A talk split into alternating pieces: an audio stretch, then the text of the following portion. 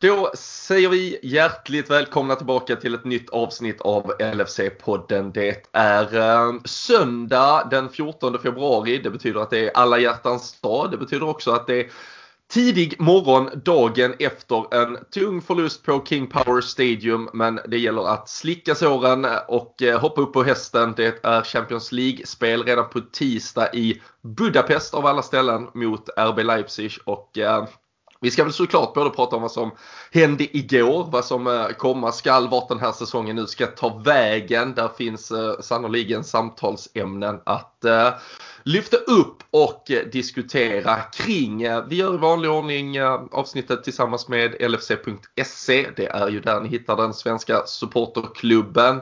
Och inför kommande vecka så väntar också lite roliga grejer. Det blir quiz via LFC.se, deras Facebook-sida inför Leipzig-matchen. Jag tror också att det kanske blir som så att det blir något form av uppsnack på nya plattformen Clubhouse där vi har kört lite de senaste matcherna. Det kan vi titta in på också. Men eh, mycket kul som väntar. Eh, så är det alltid. Vi försöker att eh, se till att ni får så mycket Liverpool så att ni knappt står ut. Det ska väl vara någon fin gräns däremellan. Men eh, idag ska ni få försöka bearbeta känslorna från gårdagen. Vi ska landa i att blicka framåt som vi alltid gör. Och eh, så ska väl ni bara sätta er till rätta och så ser vi till att ha en riktigt trevlig timme här med LFC-podden.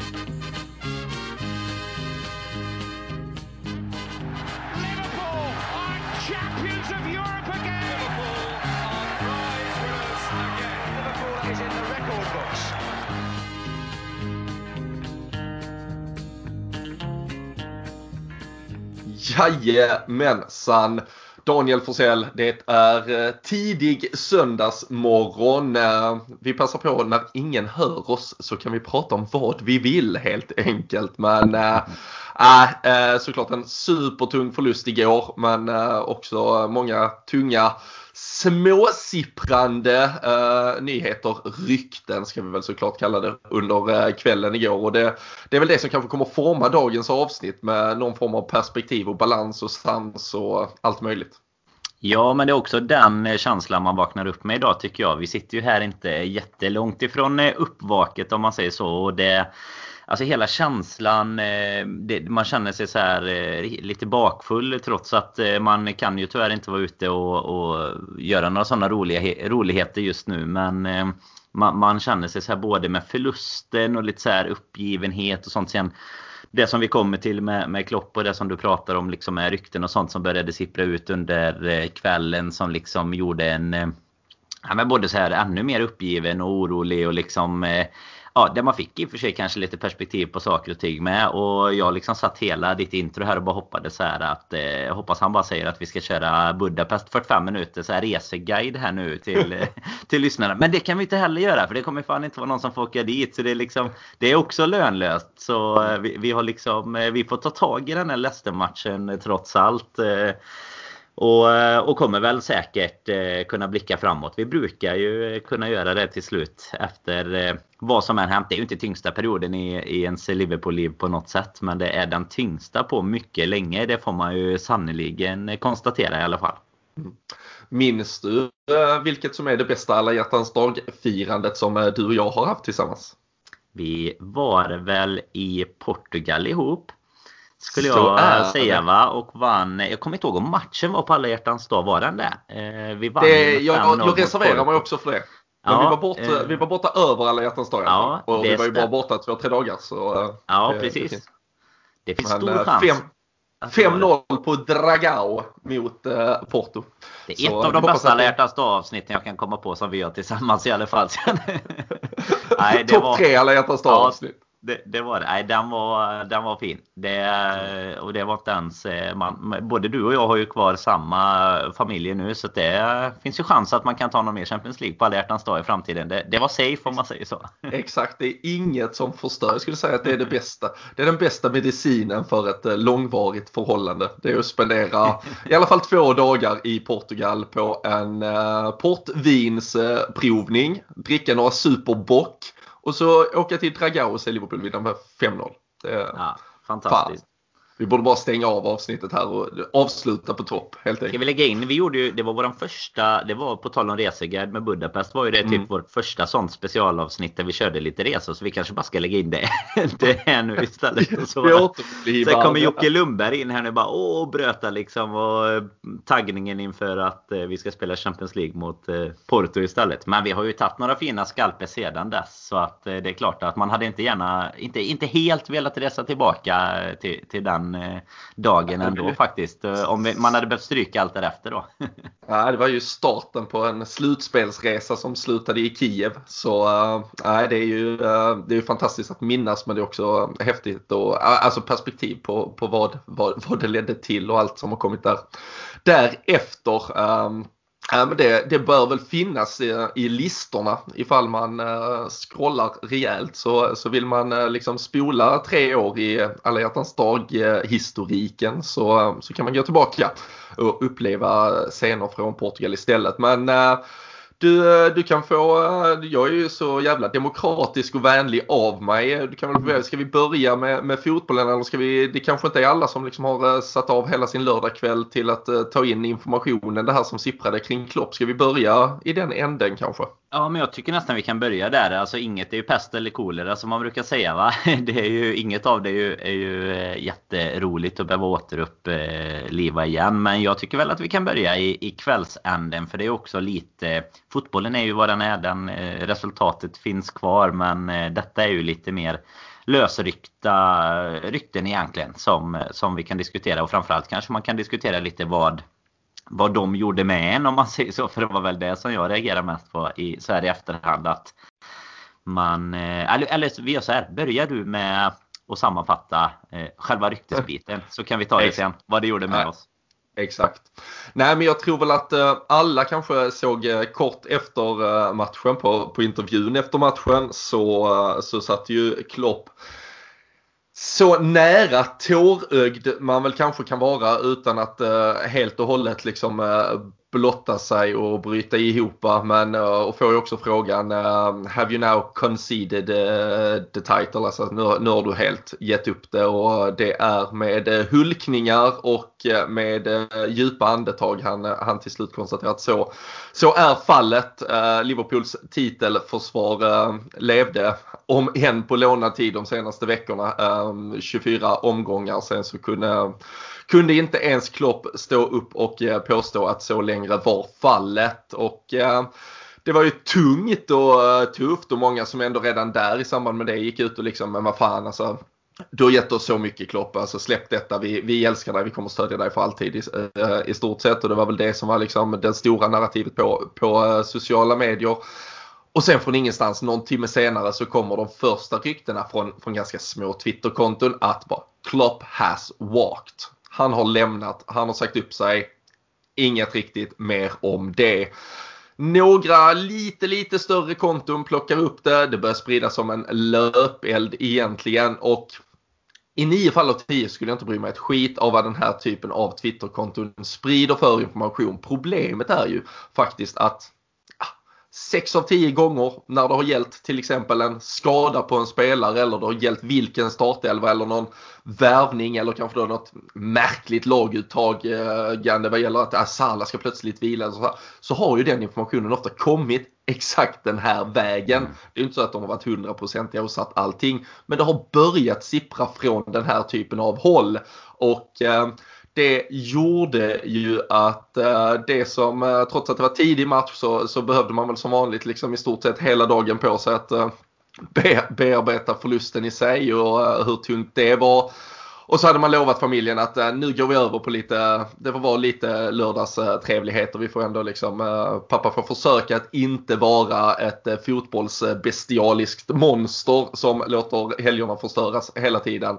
Och så kommer då alltså om en så här lösryckta uh, nyhetssvep uh, om att uh, Klopp kanske då ska ha lämnat Liverpool och det, det ställer ju uh, en helt upp och ner. Alltså jag satt jag började skaka och eh, visst, alltså, kommer det en bekräftelse nu, alltså, kommer det en bekräftelse nu, då vet jag inte, alltså då, då, då, då, vet jag inte om, då vet jag inte om fotboll är, alltså om det är värt med fotboll. Alltså det kommer inte vara värt det den här säsongen. Jag vet inte när det blir värt det igen.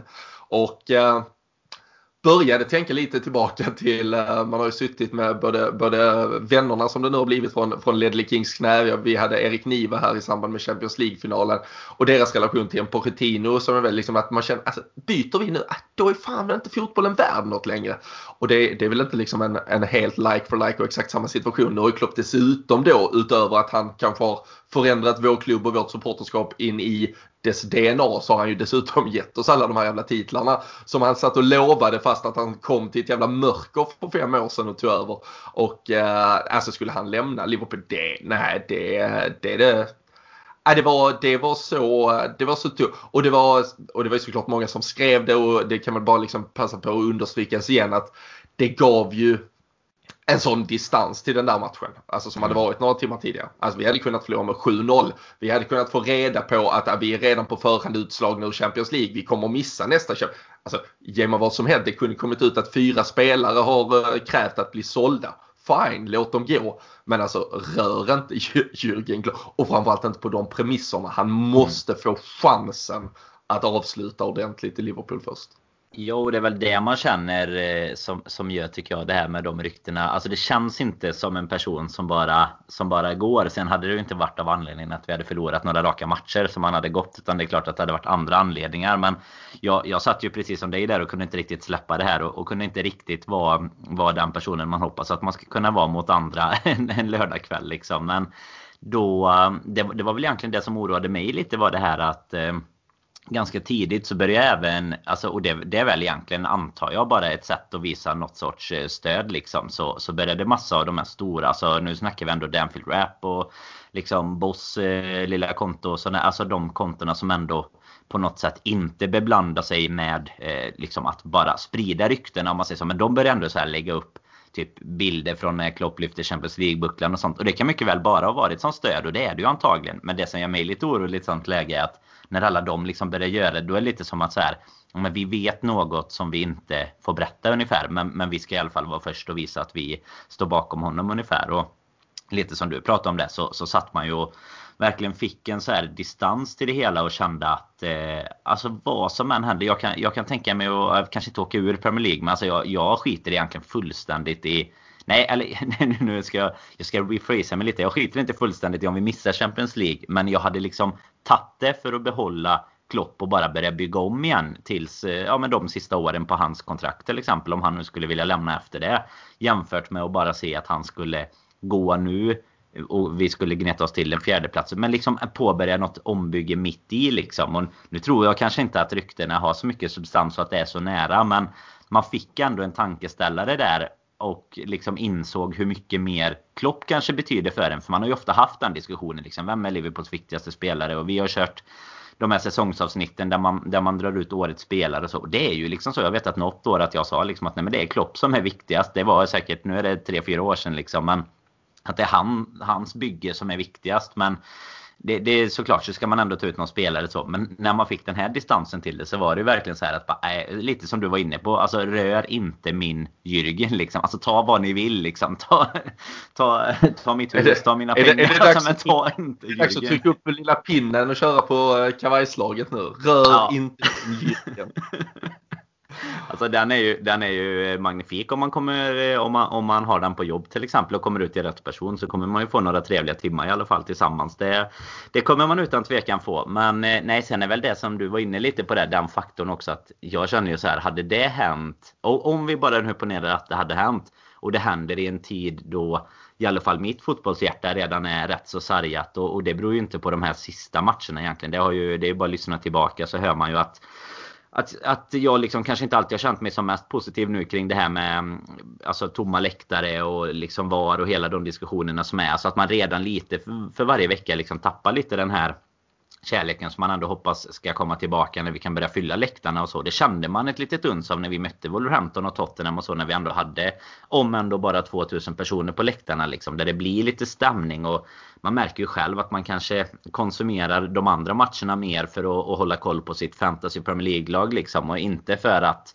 njuta av att, eh, att det är bra stämning eller att de kan ta poäng av varandra eller någonting. Så eh, då hade ju detta på något sätt briserat hela den biten. Precis som du var inne på egentligen. Att då hade man ju så här tagit sig en eh, fundamental funderare. Och sen hade man ju såklart landat någonstans i att man hade stöttat den som, som hade kommit in istället och så vidare. Det, det är man ju helt säker på. Man tar ju den funderaren efter varje förlust ungefär. Eh, är det värt det liksom? Men, och det är det ju någonstans. Och ska man dra ut det. Ska man dra perspektivet ett steg ännu längre tillbaka så är det bara att titta på på vad man har fått uppleva. Liksom alla hjärtans dag i Porto. Det är ju delvis Klopps förtjänst men det är framförallt mm. Liverpools förtjänst är det ju. Så att eh, man kommer väl sitta med den här klubben till graven oavsett vad som händer. Men det hade varit en, en törn i kärleken. Eh, och de får fan inte släppa det på alla hjärtans dag om inte annat. Och det hade ju inte, det hade inte gått. Det hade ju blivit skilsmässor i hela Liverpool. Eh, det hade blivit skilsmässor överallt. Inställda, ja i och för sig det kanske är fördel nu att man inte kan ha bokat så mycket middagar. Men liksom inställda alla hjärtans dagplaner för att sitta och scrolla Klopps Finest på Youtube liksom. Och så, eh, nej det. Vi, vi, ska väl avsluta med att säga att vi, vi, tror väl kanske att substansen inte är superstor i det här. Men bara att eh, få det till sig eh, fick ju en att skaka lite. Det måste man ju, det får man ju villigt erkänna. Ja men så, så, så var det ju verkligen. Och eh, beroende på hur mycket man själv då som lyssnare nu har, har, har konsumerat i hur, hur den här eh, liksom, ryktesskildringen var igår och sådär. Och det var ju så, som jag också kan förstå många, kanske då utomstående som kom, kom lite så här in i någonstans i Twitter-diskussionen. Liksom så här, men varför? Inte kan han väl lämna? Alltså, ni ligger trots allt 4-5 och ni, alltså, allt är ju möjligt med Champions League och ni är kvar i Champions League. Inte lämna man ska nog vara väldigt klar med att dels vad ryktena byggdes på och om det eventuellt skulle aktualiseras så har det ju inget att göra med att Liverpool kommer fyra en säsong eventuellt. Det, det är ju alla, alltså jag tror alla, alla fans och jag tror klubben alltså från styrande håll är, är supernöjda. Alltså liksom det, det får vi ta, vi, vi tar nya tag. Jag tror inte Klopp ser det som hela världen heller. Men, men det som skulle, eller det som har intensifierat det, det om man då läser lite djupare in i vad som har liksom byggt upp de här ryktena, det är ju att sprickan kanske har ökat lite eller att det för det första att det har blivit en spricka mellan Klopp och ledningen kring agerandet i januari. Det stod ju klart för alla som mm. bara har tittat på en minut fotboll den här säsongen att Liverpool har ett problem som till stora delar grundar sig i att man är av med sina mittbackar. Det ger en dominoeffekt att våra mittfältare spelar mittbackar och så vidare. Och eh, vi hade redan två ordinarie mittbackar helt borta för säsongen. Det visste vi redan när vi går in i ett januarifönster. Och ändå frigörs det inte pengar för att, att ge honom det plåstret någonstans för att stoppa den blödningen och ge det ett, ett riktigt, riktigt rejält försök. Du, du, uh, jag vet du hade ju sammanställt statistiken igår. Alltså, vi har nio poäng på våra tio senaste mm. matcher. Så man kan ju prata mycket om att ja, men det här var ju ett, ett mittbacksproblemet kom redan i oktober. Jo, jo, fast det, ju, det, tar också lite tid för att det ska ge ringar på vattnet i form av att så länge du ändå har en till tillgänglig och en till tillgänglig och du kanske kan laborera lite till. Det, är ju någonstans, det var ju någonstans i kanske mitten av januari, det fullständigt, eller början av januari, det fullständigt fallerade för då gick ja. det inte att lappa ihop det längre. Så hade där istället stått en liksom fullt frisk ordinarie vi, vi behöver inte ens säga världsklass, men liksom en, en senior mittback som gick rakt in i det här laget efter drygt 7-8 träningspass i början av januari ja, då hade vi nog haft något annat och jag tror att det är mycket det det handlar om i alla fall. Det, det hade Klopp en förväntan om att det skulle ske med de förutsättningarna som fanns. Nu blev det någon klipp och klistra eh, lösning som löser sig dessutom sista dagen. Det är prat om att Klopp rent har satt ett ultimatum, om det nu inte är så att han, att han lämnar så i alla fall att liksom, ja, men, hjälper ni mig inte ens med detta då, då blir det fan svårt för mig att motivera varför jag ska vara kvar och hjälpa er mm. någonstans. Och att även Michael Edwards som vi alla har lärt känna som liksom en sportchef som trollar med knäna och löser de mest fantastiska affärerna både på in och utkontot egentligen. Att han också ska ha känt att vad fan har inte jag byggt upp förtroende, alltså med allt jag har gjort för den här klubben, alltså med alla, varenda miljon som jag har liksom stulit av Bournemouth och lagt rakt ner i er amerikanska trötta plånbok. Så har jag, alltså där borde det borde ligga lite på det där kontot som jag också får ta av nu liksom. Det är som att man har använt sina, sina ungar till att sälja eh, lemonad nere på gatan liksom i, i tio år och sen liksom när de vill ha en krona så ah, nej, du, du får inte. ah, det, det, och, och där, och där, där finns ju en stor diskussion man kan, måste ta kring hur alla egentligen, vem litade på vem, vem gav vem rätt förutsättningar baserat på vad man kanske hade förtjänat. Och där tror jag att Klopp absolut har varit besviken när han då dessutom ser att Ja, men han ser ju från första paket att spelet räcker inte till. De, de spelarna jag har orkar inte detta. Jag hade behövt något annat. Det fick jag inte. Okej, då får vi se vad det blir av detta. Och sen vet alla, och det har vi ju faktiskt inte hunnit beröra här i podden för det, vi gjorde ju poddar förra veckan innan uh, det blev aktuellt. Uh, men också då den tragiska bortgången av hans mamma och hur det på ett personligt plan har påverkat honom. Nu var det ju i förra veckan information eller nyheten läckte ut så att säga och den blev ju aktuell med tanke på att han inte kan åka då till Tyskland eller kunde åka och närvara vid begravningen på grund av rådande restriktioner men hon gick ju alltså bort redan den 19 januari ifall det nu inte är någon som har uh, noterat eller tagit del av uh, all fakta kring det. Och det det, är, det betyder att han har ju gått nu drygt en månad med, med det här hängande över sig och en personlig tragedi samtidigt som du ska liksom dels hålla ihop laget, du ska nästan, alltså du ska mm. nästan bygga något nytt samtidigt och trolla, trolla ihop något med det material som finns. Du ser en efter en efter en fyllas på på skadelistan.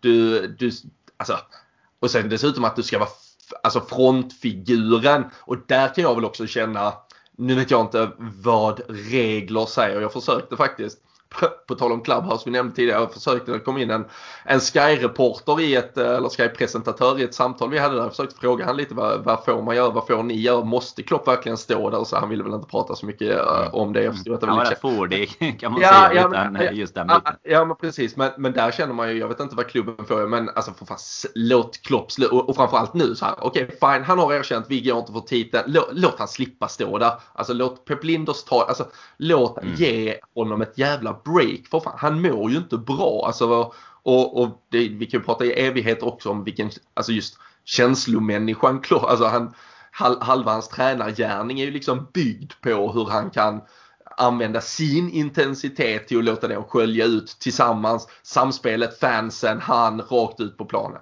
Och, alltså att inte ha varken verktyget från supportrarna eller att själv kunna hitta den kanske styrkan i sig. Så nej, jag, fan, vad jag, fan vad jag lider med mm. honom och fan vad jag också kände igår att kliver han nu då, då får jag också ta en funderare om jag ska kliva av ett tag i alla fall. För det, nej, det, det, det finns ju ingen som, var, var vi än landar, det finns ingen som skulle vara bättre att leda oss från nästa säsong. Alltså det är ju ändå det som är det charmiga med fotboll. Alltså varje säsong börjar ju trots allt på scratch. Mm. Det var som Pep Guardiola sa nu, de hade vunnit 15 raka matcher bla bla bla sa han. Ja men det betyder ju inte att vi börjar på 2-0 nästa. Alltså varje gång så börjar du från noll. Och då måste du ju se utifrån, vem vill vi Framförallt när vi öppnar en ny säsong. Förhoppningsvis med fans på läktarna, med van Dijk och Gomes tillbaka, men Thiago som har fått en försäsong. Vem vill vi då ska leda laget? Vill vi att det är Jürgen Klopp? Eller vill vi att det är, ah, men vad fan, ge Pep Linders chansen. Men det, det, vill vi väl, alltså vi vill väl att det är Jürgen Klopp. Så mm. nej, mm. fy fan, det var usch vad det var tungt. Mycket tyngre de där timmarna under kvällen igår än allt som har haft med fotbollsmässiga prestationer att göra. Det skakar ju annars lite i Crystal Palace. Hade ju en 3-0 förlust mot eh, Burnley igår. Så att vi har ju våran gamle vapendragare Roy Hodgson tillgänglig snart annars kanske. Om vi nu skulle behöva ett snabbt eh, byte så har vi någon som kan klubben såklart. Så, ja, nej, men, 350 ja. match eller något igår så tror jag. Så, ja. ja. Otroligt faktiskt. Bra rutin eh, gubben. Han har ju några allsvenska titlar med, med sig i bagaget. Så det, det är alltid strångt när man kommer till arbetsintervjun. Ja. Nej, men det är så här om man ska dra de bitarna som du sa till att börja med då. Så om, om man eh, väntar med Klopps personliga plan så att säga. Så är det ju otroligt tycker jag med. Om, alltså, man vet ju inte vad det är för diskussioner som har pågått eh, bakom kulisserna. Så. Och nu, framförallt nu kommer det inte ut någonting från Liverpool förutom via suspekta Twitterkonton. För att eh, det, det är ju liksom ja, köpta journalister som, som sitter och ska eh, liksom rapportera om klubben. Så det som kommer ut är ju så här att ja, Matip är touch and go denna veckan också. Vi får se vad som händer. Och då, då är det ju så här att om det skulle vara så att Klopp eh, och Edwards eh, för den delen har liksom satt något sorts ultimatum eller liksom lite varit varit inne på det i alla fall så, så är det ju så. Eh, det, det är ju otroligt förnedrande att höra i så fall om det skulle vara så för att har tagit en Champions alltså dels då hur de verkligen har reformerat hela klubben. Alltså det, det är ju steg ett och liksom byggt upp ett värde om man nu ska vara ekonomisk så också för de ägarna som vi har. Så är det ju så otacksamt och, och sjukt egentligen att de har tagit en Champions League-titel. De har tagit den här efterlängtade Premier League-titeln. Men får i så fall ingen ärlig chans att, att försvara det egentligen. För att grejen är ju, vi har pratat om det innan, att det är ju ingen som räknar med att massa mittbackar ska gå i sönder tidigt på säsongen och sådär. Och på sommaren kunde du absolut inte veta det. Och kort försäsong och, och hela den här biten. Men, men i januari så visste vi ju det. Eh, jag menar det, det, kan räcka att du hade haft en kabak kanske eh, stående första januari istället för sista januari. Så, så hade du kunnat liksom, ja, spela det på ett annat sätt. För att nu, vi ska inte älta det för många gånger, men liksom det här att det blir den här dominoeffekten som du pratar om, där mittfältare får bli backar och sådär. Det förstör ju både kanske då backlinjen och mittfältet, även om de har skött sig med bravur i backlinjen också. Liksom. Och det är ju som du pratar om, det är ju från slutet december är det ju. Det är ju den West Bromwich-matchen där allt, där allt börjar. Det är ju annandagsfotbollen, fast vi spelar ju den 27 då. Och sen är det ju eh, tre kryss och eh, en förlust mot Southampton och utöver FA-cupen då däremellan som, eh, som hinner ske då. Så det hinner ju liksom gå ner ganska rejält innan då Klopps egen då personliga tragedi den 19 januari. Och det, det kan ju varit mycket det här med Hon kan ju varit dålig innan och sådär också. Och har man läst eller sett eller hört det minsta om eh, Klopps liksom historik och, och bakåt så i familjen så är det ju att han och hans pappa var ju inte som också är bortgången tyvärr då. De var inte heller på liksom eh, alltid på speaking terms och bästa vänner och ehm, då har ju han, hans mamma har ju varit en så otroligt viktig person i hans liv också. Det finns bland annat, jag vet inte om den ligger kvar på Viaplay, men det finns en en dokumentär där, en 45 minutare om eh, Klopp som är, går att diskutera i övrigt i och för sig. Men, men just familjebilden och sånt får man ganska bra. Men ehm, det, det går, alltså det är ju bara att se till sig själv. Vad fan hade man gjort på, alltså hur mycket hade man tyckt att att jobbet spelar någon roll om, eh, om någon så nära hade gått bort. Liksom. Och, och just att stå då som... Alltså det är ju ändå en underhållningsbransch. Det är ju ont igen att säga mig om att man vet hur mycket tid man själv lägger på, på fotboll och allting eh, där i kring. Men det är ju liksom en underhållningsbransch och hela den biten. Och att du då ska stå som, som någon sorts... Eh, alltså bära hundhuvudet utåt samtidigt som det har hänt. Vi hinner ju åka ut FA-cupen ganska snart därefter mot United. Vi förlorar mot Burnley och liksom nu de här tre raka förlusterna där man, alltså det som du var inne på innan, den här videon när man ser Klopp sitta och säga att ja men nu nu, nu är titelracet är, är kört här i alla fall. Det brister ju någonting inom en liksom. Och inne på samma spår egentligen. Att man känner ju bara så här. Eh, fan att inte ni kunde ge honom en bättre chans att få, få försvara det här. För jag är ju helt säker på att han skulle kunna bygga upp det igen. Och det är inte så att allt liksom är borta och allt är förstört nu heller. Utan vi bygger ju från en mycket högre höjd redan nu i så fall. Men det är ju så synd att man inte på något sätt kan, kan utnyttja chansen att bygga någon sorts dynasti liksom när man ändå har både Champions League och och Premier League. Och nu när du ändå har nämnt Clubhouse eh, och diskussionen där så hade vi ju lite den diskussionen faktiskt för de som var med oss inför matchen igår där att eh, det var ju eh, Fabian som har varit med här i, i podden med som är United-supporter i Jalkemo där han pratade ju även om det att när vi, när vi tog in typ Thiago och skulle bygga ett liksom kanske det bästa Liverpool vi någonsin sett. Och inte bara ett lag som, som kan vara med i diskussionen om det. Och det är möjligt att de är det ändå om man säger så. Men, men det vi ändå skulle ta ett steg till så händer allt det här. Och så har vi ändå då ägare som inte kan backa upp på samma sätt som man kanske kan förvänta sig. Ja, men är det någon som har skaffat sig det förtroendekapitalet så ska det väl vara Jürgen Klopp, du, du ska, han skulle kunna peka på några backar och säga så ja men lös det bara. Alltså nu har ni sett vad jag har gjort med de andra. Visst, vi har jättemycket pengar på van Dijk och Alisson är ju kanske den som har kostat oss lite poäng nu och hur mycket pengar det är. Men han har ju räddat hur mycket poäng som helst tidigare. Men pengarna har ju ändå lagts på rätt ställe. Så det är ju, skulle det vara så att han har pekat och, och fått kalla handen tillbaka så eh, det är ju förnedrande bara skulle jag säga. Ja, nej, verkligen. Och eh, men vi hoppas väl. Eh, det, det, har ju verkligen varit en, en tankeställare. Alltså, det, det, var väl inget man egentligen behövde få en bekräftelse på. Men, eh, men det blev så otroligt uppenbart um, igår när man liksom ens behövde tänka tanken på, på i alla fall liksom något tvåprocentigt halvseriöst plan. Att tänk om detta skulle hända. Vad, vad skulle det göra med mig? Och nej, det får inte hända och eh, vi hoppas inte det händer. Vi eh, ska, vill, vill han ta ledigt eh, eller vad fan som helst så ger han det. han ska vara med när vi, när vi bygger tillbaka och går för det. Nästa säsong i, i alla fall om, om nu denna tar vägen dit den kanske tyvärr ser ut att vara på väg även om liksom att, att klara en Champions League-plats blir en jätte jätteavslutning på säsongen i sig. Det är ju superviktigt för, för just för att det ska bli extra eh, spännande att liksom följa det som ändå kan klassas som någon form av återtåg nästa säsong. Vi går in i en Champions League-vår nu. Vi ska såklart prata upp Leipzig-matchen lite här och eh, vi, vi, hoppas verkligen att det inte fanns en substans i det. Um, det är också så här, man är lite tvea, alltså det blir lite svårt då hur man ska balansera någonstans hade man kanske velat att antingen, antingen klubb eller liksom, eh, journalister med, men som påstås ha någon form av inblick i klubben var ute och kanske dementerat liksom så här, nej nej nej. Samtidigt ska man, ska man göra det direkt eh, sprids den här typen av rykte. Det, det kanske inte heller är rätt men beroende på hur mycket fäste det får beroende på var det tar vägen så får man väl göra en, en avvägning på det.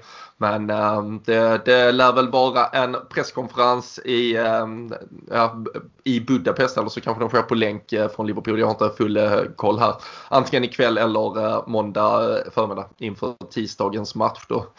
Ja, man kommer ju bli skrämd när man drar första antalet och säger att Pep Linder sitter där. Men så kanske de bara... kanske de har gett en. Fy fan. Ja. Så frågar de i slutet så här, först bara we don't wanna talk about this. Och sen säger i slutet bara, men han har tre dagar borta bara. Han är, han är liksom iväg nu när vi ändå är i Europa eller någonting. Ja, ja. Nej, fy fan. Usch, men eh, nej så är det. Eh, det var en eh, lång utläggning om, om perspektiv på saker och ting. Men ehm, det fick ju på gott och ont fick det ju ändå glömma lite av det som hade varit under lördagsförmiddagen. Det blev till slut en 3-1 förlust mot Leicester. Men hade någon frågat en efter lite drygt 65 minuter, Roberto Firmino hade snorfintat, Mohamed Salah hade lyft in 1-0 i bortre att ja, men det här skiter sig väl så hade man trots hur luttrad man ändå blivit de senaste veckorna nog inte sagt att ja det gör det nog för uh, igår kändes det egentligen riktigt bra där. Ja men verkligen. Alltså första halvlek är ju också riktigt bra. Eh, vi, det är ju bara att vi inte gör mål egentligen. Vi mm, har ju vi har boll, vi har lägen, vi har hörnor, vi har allt möjligt egentligen som eh, förutom just mål. Och sen när det här väl förlösande 1-0 målet kommer så känner man ju att fasen vad gött äntligen och nu det blir inte 0-0 i alla fall eller sådär. Alltså man, man hade ju inga Sen skapade i och för sig nu om man ska ge Leicester någonting. De skapade några chanser i slutet på första också. Och även om någon kanske något ribbskott som kanske var offside egentligen och sådär. Men man, man hade ju ingen så här känsla av att det skulle kunna bli Alltså en, en kontring och 0 eller ja 1-0 då hade det ju blivit men eh, till Leicester det hade ju var väl det enda som skulle kunna ske ungefär. Men när vi gjorde 1-0 då kände man att nu kommer vi i alla fall rida ut ja, den här stormen egentligen. Och nu, nu är vi med i eh, ja, men liksom topp 4 och, och, den biten igen. Men eh, ja, sen kommer en sju minutare som man inte kommer minnas som sin allra lyckligaste i livet faktiskt. Nej, det, ja, men det blir ju svårt. Vi, vi, ska prata lite om, om det sen efter. Vi kan eh, ta oss ett par händelser från matchen som, som sticker ut innan vi liksom går in på det, det, det större vad, vad gäller egentligen spel och, och sådär. Men eh, det blir ju svårt för alltså, mycket, mycket var ju väldigt bra och vi kan, vi kan väl återkomma till det. Men 1-1 eh, kommer ju till Leicester på ett, eh, ett sätt som återigen då får eh, VAR och eh, allt annat. Att, eh, du pratade lite om eh, din känsla för en död fotboll och mm. kan tänka mig att det stod någon med en liten bensinslang och droppa på bränsle vid den där sekvensen. För först då eh, döms det ju eh, Anthony Taylor från Greater Manchester, måste alltid sägas när man pratar om den idioten. Eh, han dömer frispark som sen kanske måste bli straff, men det blir ändå frispark till slut som de sen slår i mål, som sen blir offside som sen döms bort målet men sen ändras till onside och sen är det mål ändå. Det är 1-1. Uh, man kan väl konstatera att det är dåligt försvarsspel av Thiago framförallt att ge bort frisparken. Ja. Så, så har vi sagt det objektivt och noggrant. Men uh, sen blir det ju parodi att se de här strecken dras. Uh, jag kan direkt säga att jag tycker till syvende och sist att drar man de här jävla strecken den här typen av offside tycker jag ska ska frias. Jag tycker, problemet är ju, eh, det har säkert alla sett bilderna på, att vi fälls ju och ordagrant så fälls ju Virgil van Dijk senare och i stort sett mördas av Jordan Pickford och vi får ingen straff för att överarmen och lite tröjflärp på hans tröja räknas som offside mot Everton. Medan här så räknas inte den där tröjflärpen som offside. Här drar man också här drar man linjen ja, men, någonstans upp mitt i biceps kanske. På van Dijk då drar man den lite längre ner. Man drar den helt enkelt lite var man vill. Bollen, den ligger ju inte på foten när man drar linjen och så vidare. Det, mm. ja, det,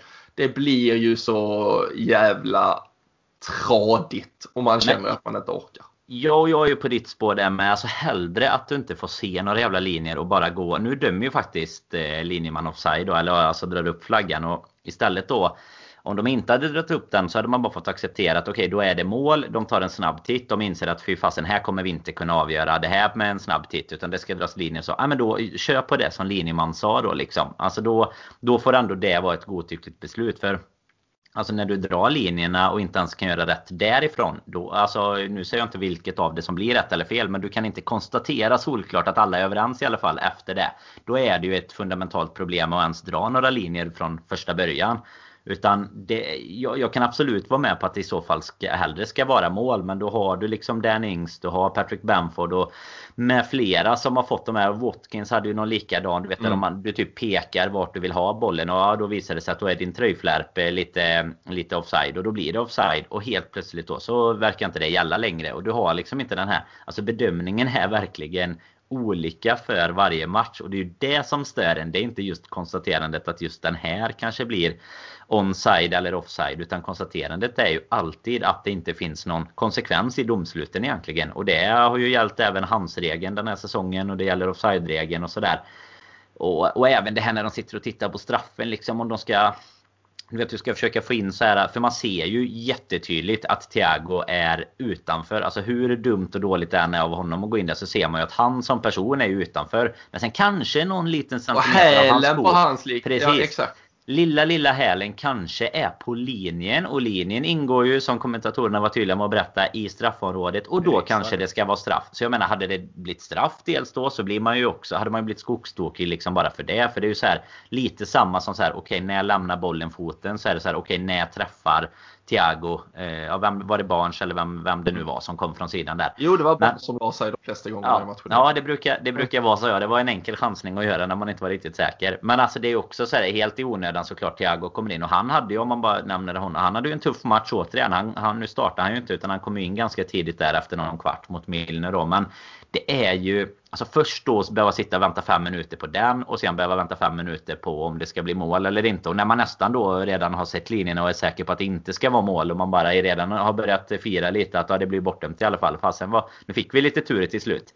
Så eh, nej, det det går ju. Jag vet inte vad man ska säga. Det är, den här bensindunken, den, eh, det stod någon och sprutade hej vilt där. Och de hade bara glömt tandstickorna liksom. Det var, det, det var, där, eh, det var därifrån man eh, kom. Sen kom ju kom någon med tandstickorna bara några minuter senare. Ja, Allison hade Allison kastade en tändsticksask. Precis. Kom, kom flygande och löste, lö, löste total jävla meltdown i Borås. Ja. Uh, nej, men det är ju, uh, nej, men det blir parodi. Och också det här som du var inne på, alltså här väljer han att dra flaggan, vilket också är så här, ja. jaha, varför gör du nu det? Uh, jag såg uh, City-matchen sen på, på eftermiddagen också. Där är ju en, och det är ju det här som blir ett sånt jävla problem. Det här med ibland drar de, ibland drar de inte. Där var, det ble, blev inte mål, men Phil Foden var nog två meter offside och lyckas få fram en hörna. Och där är ju problemet, gör de sen mål på hörna? För att då håller han ju nere den, för det, ja. det är ju det de har fått liksom som instruktioner. Men gör de sen mål på hörnan och nickar upp den i krysset, då är det ju mål. Men de har vunnit hörnan superfuskigt liksom. Nej, det hade ju uh, faktiskt vi en situation igår, men jag vet inte om du kommer ihåg det. Jag tänkte lite på det då också. Att vi har ju en situation där Henderson får en skarvning till sig, det blir ett inlägg och sen så uh, får ja, bollen går ut igen och vi kan starta om ett nytt anfall, men ändå i press liksom. Där är ju också ett sånt typ, tydligt exempel på att hade linjen bara dragit upp flaggan. Det, vi pratar ändå typ två meter liksom. För det hade ju blivit bortdömt mål utan tvekan. Ja. Men gör vi mål i nästa sen, då är det ju liksom en ny situation och hela den biten. Det är ju där hela den här linjen man drar upp den eller inte. Sen är det ju konstigt som du säger i, på Amartey där att, att han ens drar upp den. För det ska de väl Ja, om man tittar på rådande regler då ska de ju hålla nere den solklart. Och så länge det inte är de är 100% liksom. Ja, nej, Nej, det är en, eh, det, det är en katastrof just och, och det här också, man ser varje gång man ser de här stoppade bilderna så är ju bollen också två meter lång och det är liksom så här, ja det är den för att den har ju lämnat foten. Alltså det kan ja. inte ha blivit två meter lång ifall den är kvar på foten. Alltså då, då är den en rund vanlig jävla boll efter det, då är det något annat. Så det är ja. ju, äh, nej, äh, Stuart Atwell, äh, samma vardomare som äh, hittade Danny Welbecks straff på Amex Stadium i, i höstas. Um, han kanske inte har en Liverpool-tatuering direkt. det, nej, det kan vi nog konstatera. det kan vi nog konstatera. Och nej, det blir det, vi är tillbaka i uh, att systemet tyvärr är godtyckligt. Uh, du, kan, du stannar, uh, du tar liksom din freeze frame när du vill. det är inte exakt precision på när bollen lämnar. Alltså hade, hade man fått en, en goal line technology liksom på att ja, men här ser vi vilken millimeter bollen lämnar foten. Här får vi se en, en goal line technology på var exakt spelarna är. Då, då är det så här, man kan verkligen argumentera för att man inte vill ha det så. Vi vill inte att fotbollssporten ska bli robotiserad. Men då hade det ändå varit då hade det bara varit så här, fan det var surt att vi var offside. Fan vad mm. sjukt att vi var det fast att det inte såg ut som det. Men nu är det ju fortfarande, innan när det var att vi klagade på en, en dålig linjedomare som gjorde fel. Nu är det ju en dålig vardomare som gör fel. Alltså, som och jag säger inte att oh, igår var rätt och igår var fel. Men problemet är fortfarande godtyckligheten och att de kan dra det lite hur de vill. Hade han, hade han, alltså han kan lika, om man skulle liksom få, få prata om det som att de vill påverka ett resultat den som sitter och är VAR så kan han ju göra det. Han kan ju, mm. det finns så pass mycket liksom att spela på att han kan flytta den bilden lite åt höger, lite åt vänster så att det blir det han vill. Sen får vi såklart utgå från att det inte finns någon i hela världen som vill fuska utan de tar vad de tycker är bäst och så blir det som det blir. Men att den möjligheten ens finns, det visar att systemet går egentligen inte till 100% att lita på. Det är fortfarande mänskligt och vi vet att de här domarna som dömer Premier League är skitdåliga. Det har de varit skitlänge och nu sitter de med ett skitdåligt system. Så Nej, men man hade ju hellre haft den här robotiseringen som du säger. Det är klart att det är ju ingen som, som vill ha det på något sätt. Men man hade ju hellre haft det än det vi har nu. För men det man blir trött på det också, den här väntan. Liksom. Alltså då kanske du hade kunnat ta tre minuters väntan men du visste i alla fall att det, det faktamässigt eh, ska vara rätt. Om man säger så, även om Goal Technology ju faktiskt lyckades missa någon eh, som räddade Villa i PL var det väl mot Sheffield United eller vad det var. Vi hade sluppit men dem i Premier League. Vi hade sluppit ja. 7-2 förnedringen ja. om det vore för goal line funkade. Ja, exakt. Nej, men det visar ju också liksom bräckligheten i hela vad det är. Nu har vi ju sagt det 10 000 gånger och det gäller ju såklart inte bara oss. Vi har säkert fått någon fördel av det någon gång i livet också. Men det är ju Problemet blir ju att då tappar man ju hela... Alltså ska man då behöva sitta och vara osäker på om det var rätt eller fel. Plus att man har väntat fem minuter och plus att det har blivit bortdömt en gång och sen tillbaka och så. Det tar ju verkligen bort hela den här udden av eh, Ja, alltså supporterskapet är ju så mycket de här spontana känslorna som kommer liksom. Och då tar jag hellre att det är någon linjeman som står och drar upp flaggan i lite fel tillfällen ibland. Eh, för det var ju faktiskt så när de har gjort sådana mätningar bakåt att de hade ju sen 99,2% rätt eller någonting. Så så jävla illa var det ju faktiskt inte. Och sen eh, försöker många ändå lägga upp på Twitter och säga ja men det är lika illa i andra ligor och, och sådär. Men det är, spelar ju fan ingen roll. Two wrongs don't make a right som man brukar säga. Liksom, det är lika jobbigt att vara Barcelona-supporter då kanske om, om de också har problem med det. Så att nej, det, det är bara att skrota i alla fall. Det har vi konstaterat för länge sedan. Ja.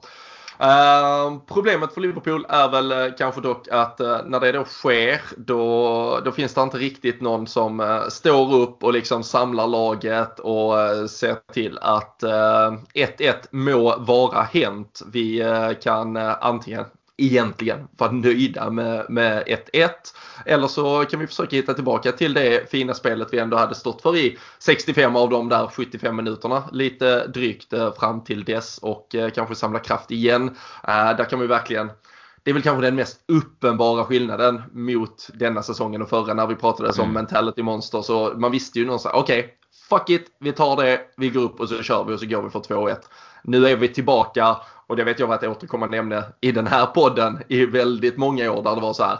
Vi kunde leda, leda med 4-0 men sen släppte vi in 4-1 och var det oh shit, vi kommer nog förlora matchen. Liksom. Alltså, det bara spreds. Alltså, spelarnas nervositet spred sig upp på läktaren, ut genom TV, alltså ut i TV-sofforna. Liksom. Det, var, det, var, det var liksom i ja, men i, i vår ryggrad som klubb att vi blev livrädda direkt sånt här hände. Och eh, nu känner man lite samma sak. Och eh, att då få som ett brev på posten att eh, Alison Becker går ut, mörbultar och Kabak, Jamie Vardy får öppet mål, lägger in den och eh, Ska man tro de som eh, kanske spelat i, i sådana situationer så är det liksom skriker Allison då ska Kabak släppa det. Gör han inte sig tydlig med var han är där då ska ändå Kabak såklart spela på bollen. Nu har vi ju om vi ska säga den lilla fördelen att inte ha fans på läktarna. Så man kan ju ofta höra lite, vi har pratat mycket om hur mycket man hör Jordan Henderson på planen. Man hör inte Alisson Becker, han tar inte den platsen utan han, han går in i sin egen värld, går på boll och eh, istället så, så fuckar han tyvärr upp detta. Och eh, jag tycker att Alisson Becker får ta på sig det återigen. Tredje målet på, på två matcher. Och eh, det är ju klart att det är ju det som i slutändan är, är utslagsgivande. Uh, sen kan man prata allt om att uh, han gör någon fantastisk räddning efteråt. Så, jo men vi har ju, där och då har vi, vi är mentalt bräckliga efter att ha fått det där skit 1-1 målet mot oss. Här får vi detta, korthuset, pang boom, det har rasat. Det blir också en så jävla onödig diskussion då i slutändan om Ozan Kabaks eh, debut och Erik Niva sitter i Viasat-studion och pratar åh vad, vad dålig och det där såg ju inte bra ut alls. Tyckte Bojan Djordjic var mycket bättre, vilket jag ofta tycker nu för tiden. Eh, och var tydlig med liksom, hade det där inte hänt så hade vi inte pratat om Ozan Kabak.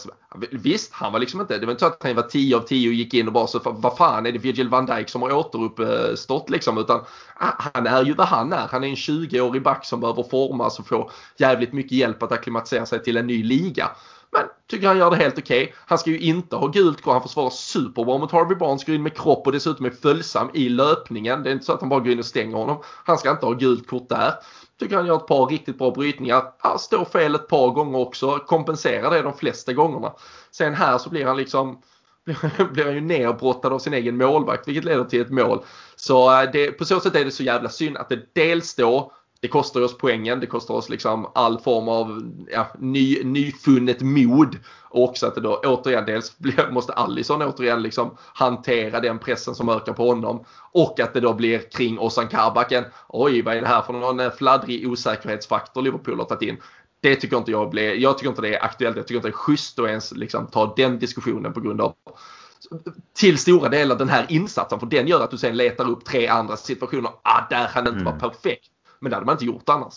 Nej, och jag tycker att det är konstigt att man ens tar diskussionen faktiskt. Jag, ehm, mitt eh, kanske mest kloka beslut igår att bara dra av eh, studion. Alltså jag kollade ingenting efter matchen så, utan bara släckte ner det i affekt liksom efter matchen var slut. Så att eh, jag, jag, såg inte just den diskussionen. Men den är ju helt eh, horribelt fel ute om, om man försöker sätta Kabak i, i skulden. Man, man, har ju sett den på Twitter efteråt också så jag har ju inte helt eh, missat den om man säger så. Men, men det är ju Allisons fel helt enkelt. Det, det är bara att konstatera. För att precis som du är inne på, han ska ju skrika alltså så, så högt att det ingen ska ens våga gå dit liksom.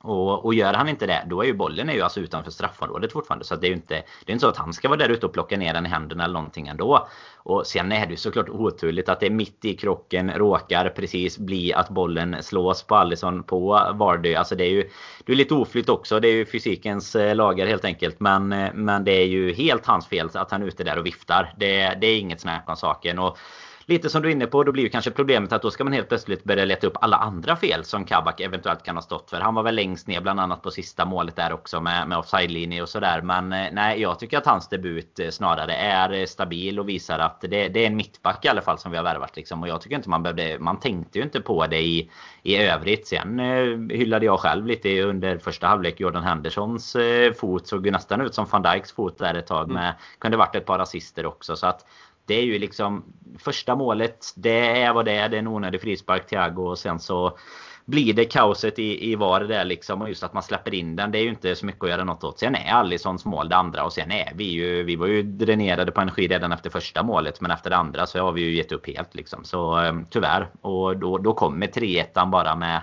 Då, den kommer lite så här av bara farten. Där Leicester också har sån medgång. Så Nej, så att lyfta bort liksom Kabak för den, det, det kan man glömma. Utan Alisson kommer få gräva ner sig lite igen och ta nya tag. Vi har ju, det är inte direkt så att vi sitter med något eh, alternativ. Nu var ju Adrian återigen, eh, som vi pratade om inför matchen då. Kalle mm. verkar ju vara lite borta på grund av någonting. Så det är ju inte så att vi ska peta honom på något sätt. För det är inte det det handlar om. Han gör några fina räddningar och, och sådär också. Men eh, det, den typen av målvakt har han ju aldrig riktigt varit. Det är ju van Dijk som har varit den här skrikande i, i backlinjen och sådär och, och verkligen visat vad alla ska göra. Det, det, är ju lite mer, han lever ju lite i sin egen... Våra brassar gör det lite. Firmino kan ju också ha lite så här egen... Eh, sin, sin, egen match. Och igår var den jävligt bra med sitt assist där och så. Så då, då passade det. Men eh, då hade Allison istället... Eh, då var han på fel ställe istället helt enkelt. Mm. Ja, nej, det, så är det ju. Uh, och bara snabbt uh, återgå till, till uh, det som blir 1-1 målet, frisparken, uh, Harvey Barnes också. Jag tycker det är intressant att se också återigen. en, en, en engelsk spelare som, som gör lite Jag tycker han där, han ska ha frispark där men, men han faller väldigt billigt i väldigt många situationer. Och de utnyttjar det ju jättesmart. Jag tycker vi är lite för dåliga i det försvarsspelet. Egentligen inte Kabak. Jag tycker han gör det jättebra. Trent däremot har ju problem med honom ett par gånger. Det gör ju också att de har ju faktiskt 3-4 frispark. Nu, nu blir denna så pass nära målet men att ge, ge bort den typen av frisparkar till James Madison konstant. De har ju fyra, fem frispark alltså i så pass i bra läge så kanske mm. inte att han kan dra in den direkt men där det kan bli farligt. Vi vet att de är starka på huvudet. Vi vet att Jamie Vardy hugger på allt. Så, så där finns, där finns väl ett par saker liksom i, att, i att förbättra det. Alltså titta på din motståndare. Vad har de för USP Jag tycker man tittar egentligen ja, men kanske fram, fram till han får massa bollar på fasta situationer. Och James Madison så har han en ganska dålig match. Han är ganska ur matchen. Men vi, vi ger han någonstans chansen att komma in i den genom att ja, fan, vi, vi lägger upp bollen till dig i lite bra frisparkslägen här ett par gånger. Och det, det är väl sånt som sker just när du inte är 110% där kanske. Um, men uh, det kostar oss även om det till syvende och sist var liksom såklart uh, specifika situationer och uh, eh, 3-1 blev det till slut. Det vi kan konstatera och som jag tänkte att vi bara kort kan toucha också det är att eh, precis faktiskt som mot Manchester City där vi har 1-1 och sen så släpper vi in tre mål. Nu hade vi 1-0, släpper in tre mål. Eh, en person som faktiskt inte har varit på planen när det här har hänt men som har varit på planen fram tills dess.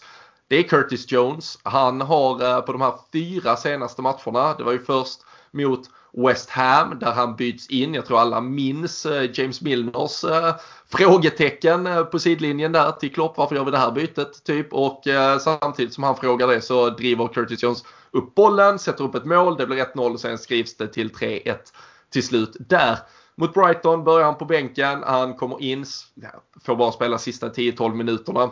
Så han hinner ju inte göra kanske någon stor påverkan på det. Sen är han tillbaka i startelvan mot både City och Leicester. Vi pratar efter City-matchen om att ah, det är en ganska bra timme. Vi pratar efter Leicester-matchen, det är en ganska bra timme.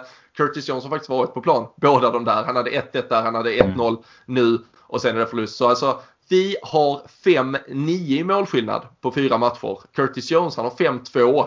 Utan Curtis Jones har vi 0-7. Statistik ljuger absolut ibland Danne, men eh, det är ju det är ju ett problem att vårt mittfält faktiskt blir dels att vi det, det rinner igenom lite men också utan Curtis Jones har vi alltså inte gjort mål på fyra mm. matcher. Och jag tycker att det är den faktorn man ska ta med sig. För någon försvarsspelare och defensiv mittfältare, det är han ju inte, vår, vår käre Jones. Och det är inte det han ska vara heller. Men han gör ju egentligen det som jag hade hoppats att Thiago skulle göra. Eh, han driver bollen framåt. Han slå de här lite mer utmanande passningarna på ett väldigt bra sätt dessutom. Och eh, nej, det är bara att konstatera att så, så långt så tycker jag alltså statistik kan ju kan ju inte ljuga men det kan ju till viss del förskönas eller, eller eh, vändas åt fel håll om man säger så. Men jag tycker att den här är väl kanske en av de här solklara. Alltså han, han är ju mycket mer inblandad än vad hans ersättare är. Alltså typ då när han ersatte Milner bland annat. Nu fick ju Milner en kort eh, session i, igår bara såklart. Men typ som Oxlade som kommer in här. Alltså jag vet knappt om han touchar bollen och sådär. Alltså det, det, är ju lite mer självförtroende i den kroppen och det är liksom lite sånt som kanske också behövs i ett läge där det laget som eh, total alltså inte är riktigt den maskinen som vi har varit eller de mentality monsters som vi pratar om. Så då är det rätt skönt att ha en ung scouser som kommer in och är lite kaxig liksom. Och det, det är ju precis det han visar egentligen. Och han, alltså han bidrar. Alltså man ser även flera gånger nu jag kommer ihåg specifikt det tillfälle igår där han får bollen kanske 5-6 meter utanför straffområdet i typ hörnet på straffområdet. Lite, lite Everton-läge om man säger så. Då, mm. då uh, börjar han liksom lägga upp den för skott. Nej, då kommer någon att täcka. Äh, så petar han vidare Jag, jag ska fan skjuta här. Till slut skjuter han i, i någon block liksom. Men han, han liksom har hela tiden siktet är inställt på mål. Sen om han ska skjuta eller om han ska passa för att den ska närma sig. Men det är inte det här spela runt, ta tid. Alltså det som vi känner i mångt och mycket inte har fungerat för oss. Som ofta i och för sig då fungerar i possessionbaserad fotboll. Men här, här har vi en spelare som vågar utmana lite mer. Kommer ske misstag ibland som, som det har gjort för honom med lite väl naiva passningar och sådär. Men fan det tar jag mycket hellre det nu och någon som vågar och, och göra någonting. För eh, just den statistiken med att det så fort vi har bytt ut honom har, eh, har briserat två gånger mot topplag nu. Den går ju inte att bortse ifrån tycker inte jag. Nej. Nej, det är intressant. Vi ska, vi ska titta lite på potentiella startelva eh, eller startelva här mot eh, Leipzig. Vi får väl se om han kan uh, petas in i det. Han är ju en av få spelare som dessutom då har spelat någonstans ändå har spelat spelats ganska varsamt under säsongen. När vi pratar om att alla till slut snart kommer väl gå på knäna så, så finns där antagligen lite energi att hämta och lite beroende på vad vi exakt kommer liksom spela, spela för och om. Alltså det, vilket är ganska skönt att konstatera, typ max 20 matcher kvar av den här säsongen. Låt den ta slut. Men Men spelare som... Det känns som på gamla goda tider när man satt så här i, ja, då var det i september. Bara, kan, ja. vi ta, ja, precis, kan vi ta nästa säsong nu? Nu fick vi ja, i alla fall hålla ut i alla hjärtan. Ja, fan. Jag, bör, jag börjar sitta i kalendern. Jag, det har ju inte kommit något officiellt på det. Men jag, jag tror lördag 14 augusti blir ja. eh, premiär. Det, ibland har de ju börjat till och med nästan en vecka tidigare. Men det är ju EM. Så 14 augusti tror jag är eh, helgen det sparkar igång. Det och, det enda vi har fått i våran kalender det är ju eh, av, avbokning till sista matchen i alla fall. Så att det är, den här bensindunken, det är dags att fylla på den för någon snart. För det är fan tömt här över huset i, i Borås kan jag säga. Ja, ja för fan. Var, var försiktig nu så att inte Alisson kommer med tändstickor. I, I alla fall. Det, lugn och inte, mot, inte på tisdag får det inte bli några tändstickor. För fasen, då är det ju den, det är det vi har att spela för nu här känns det som. Precis, men, eh, nej, men det jag skulle säga med, med det, det är ju jag ser mycket hellre än en Curtis Johnson får chansen, han tar den, det kommer komma något misstag med den. Men än att vi slänger in trötta, trötta Oxlade, trötta Shaki. Alltså, det är spelare som vet att nästa säsong så är inte, det, de kommer inte vara en del av det här Liverpool-laget. Då ska de inte vara med och försöka liksom eh, upprätthålla fanan den här säsongen. Alltså, ut med dem så mycket som jag redan nu och, och byt för fan inte in dem om det inte verkligen brinner. Alltså det, nej. Sl, jag, jag tycker du var rätt bra. Ja men du var rätt bra på det igår ju när vi hade uppsnacket inför matchen där att så här bättre att vi bara har en bänk som inte som inte känner att vi kan ta in någon ifrån nästan kanske en ja. spelare och nu hade vi ju Thiago igår men han kom ju in tidigt liksom. Men då att man hellre har en lite så här alltså lite lite trött Sadio Mané eh, i 82 minuten än att ha Oxlade Chamberlain liksom så, och som ska börja utmana eller någonting. Och det sa man ju inte förr. Men han har ju fått hela sin karriär. Den är ju spolierad efter den skadan som, ja. som han ådrog sig. Liksom. Och det, det kan man ju tycka hur synd som helst Men det är bara att konstatera i alla fall att han är inte samma spelare som han var en gång för oss då. Och, eh, nej, då, då är det bättre att sätta hoppet till de som redan finns på planen. Så är det. Och uh, när eh, ligahoppet eh, kanske då har släckts eh, officiellt. Eh, det blir en eh, supertight och tuff topp 4-kamp. Eh, vi har ju Chelsea som kan gå förbi oss. Eh, där är ett eh, par lag till. Det blir ett superintressant Merseyside-derby nästa helg. Det kommer vi såklart att återkomma till och eh, snacka upp. Men eh, först väntar då Champions League-spel på tisdag i Budapest mot Leipzig och eh, frågan eh, som eh, såklart diskuteras eh, till, eh, till största del just nu det är ju hur man ska tänka vad gäller eh, mittförsvaret eh, och därmed mittfältet också. Det, det är ju två delar som påverkar varandra. Det var lite intressant. Vi la ut omröstningar på på Twitter igår på LFC-poddens konto. Det är ju det man ska följa för att vara med i snacket. Och det var ju många liksom som till slut gjorde konstellationer som gjorde att kanske Fabinho var både i backlinjen och på mittfältet. Och så. Det är ju, jag vet inte ens om han kommer spela överhuvudtaget. Men, men vad vi har att gå på när vi sitter här denna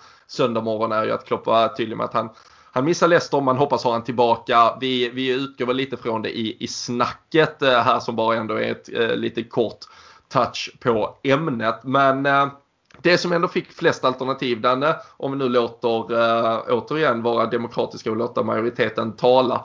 är att eh, Ozan Kabak och Fabinho bildar mittförsvar medan Thiago, Jordan Henderson och Curtis Jones bildar mittfält. Eh, vad är din reaktion på folkets röst?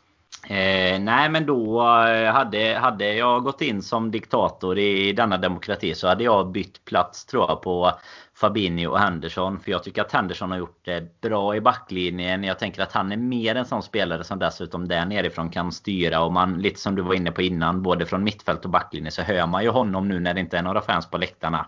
Och jag hade gärna sett Fabinho med Thiago på ett mittfält istället för att eh, kunna liksom unleash his potential istället. Eh, det är nästan det jag vill med Fabinho, att han ska kunna få Thiago att bli bättre på ett mittfält snarare än att han själv är bra. För han är bra både i backlinjen och som mittfältare.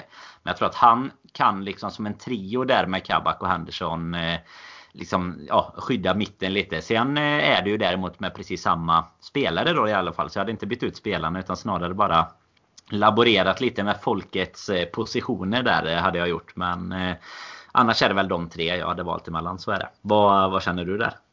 Ja, framförallt så känner jag ett stort förtroende för dig som diktator. Men ja, det vet jag. känner det, det med det, faktiskt. Det vet.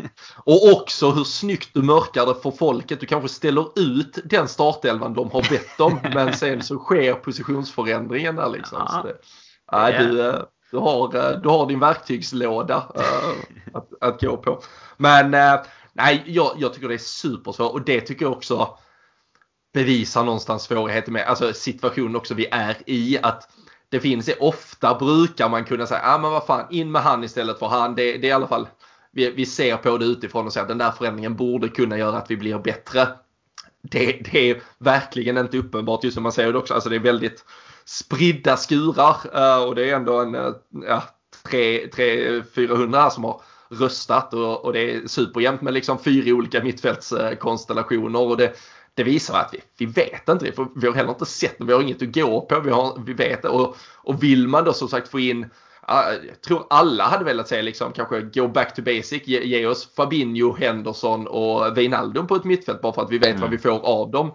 Men vi har ju ingen jävla aning vad vi får av Ben Davis och Ozan Kabak eller Nat Phillips och Ozan Kabak som, som ett mittbackspar. Eh, tyckte också man hörde det igår till exempel Martin Åslund som föredrar att titta på liksom eh, spelsystem och eh, fotbollsnörderi på ett eh, kanske då inte li lika liksom, känslomässigt laddat sätt som, som vi gör som ser fotboll som supportrar. Han brukar sitta och liksom analysera och allt med och han satt ju själv medan han kommenterade. och prat, alltså, egentligen tänkte högt märkte man så här, man kanske borde ändra backlinjen, man kanske borde, man landar ju hela tiden i att fast vi vet ju inte om det är bättre, alltså det finns verkligen inget tydligt så här man kan säga det borde vara bättre, det borde göra bättre. Det, det, det jag känner framförallt är att fortsätt ge oss Kabak chansen i alla fall. Det tycker jag, för jag tycker inte vi ska ha både Fabinho och Henderson i backlinjen.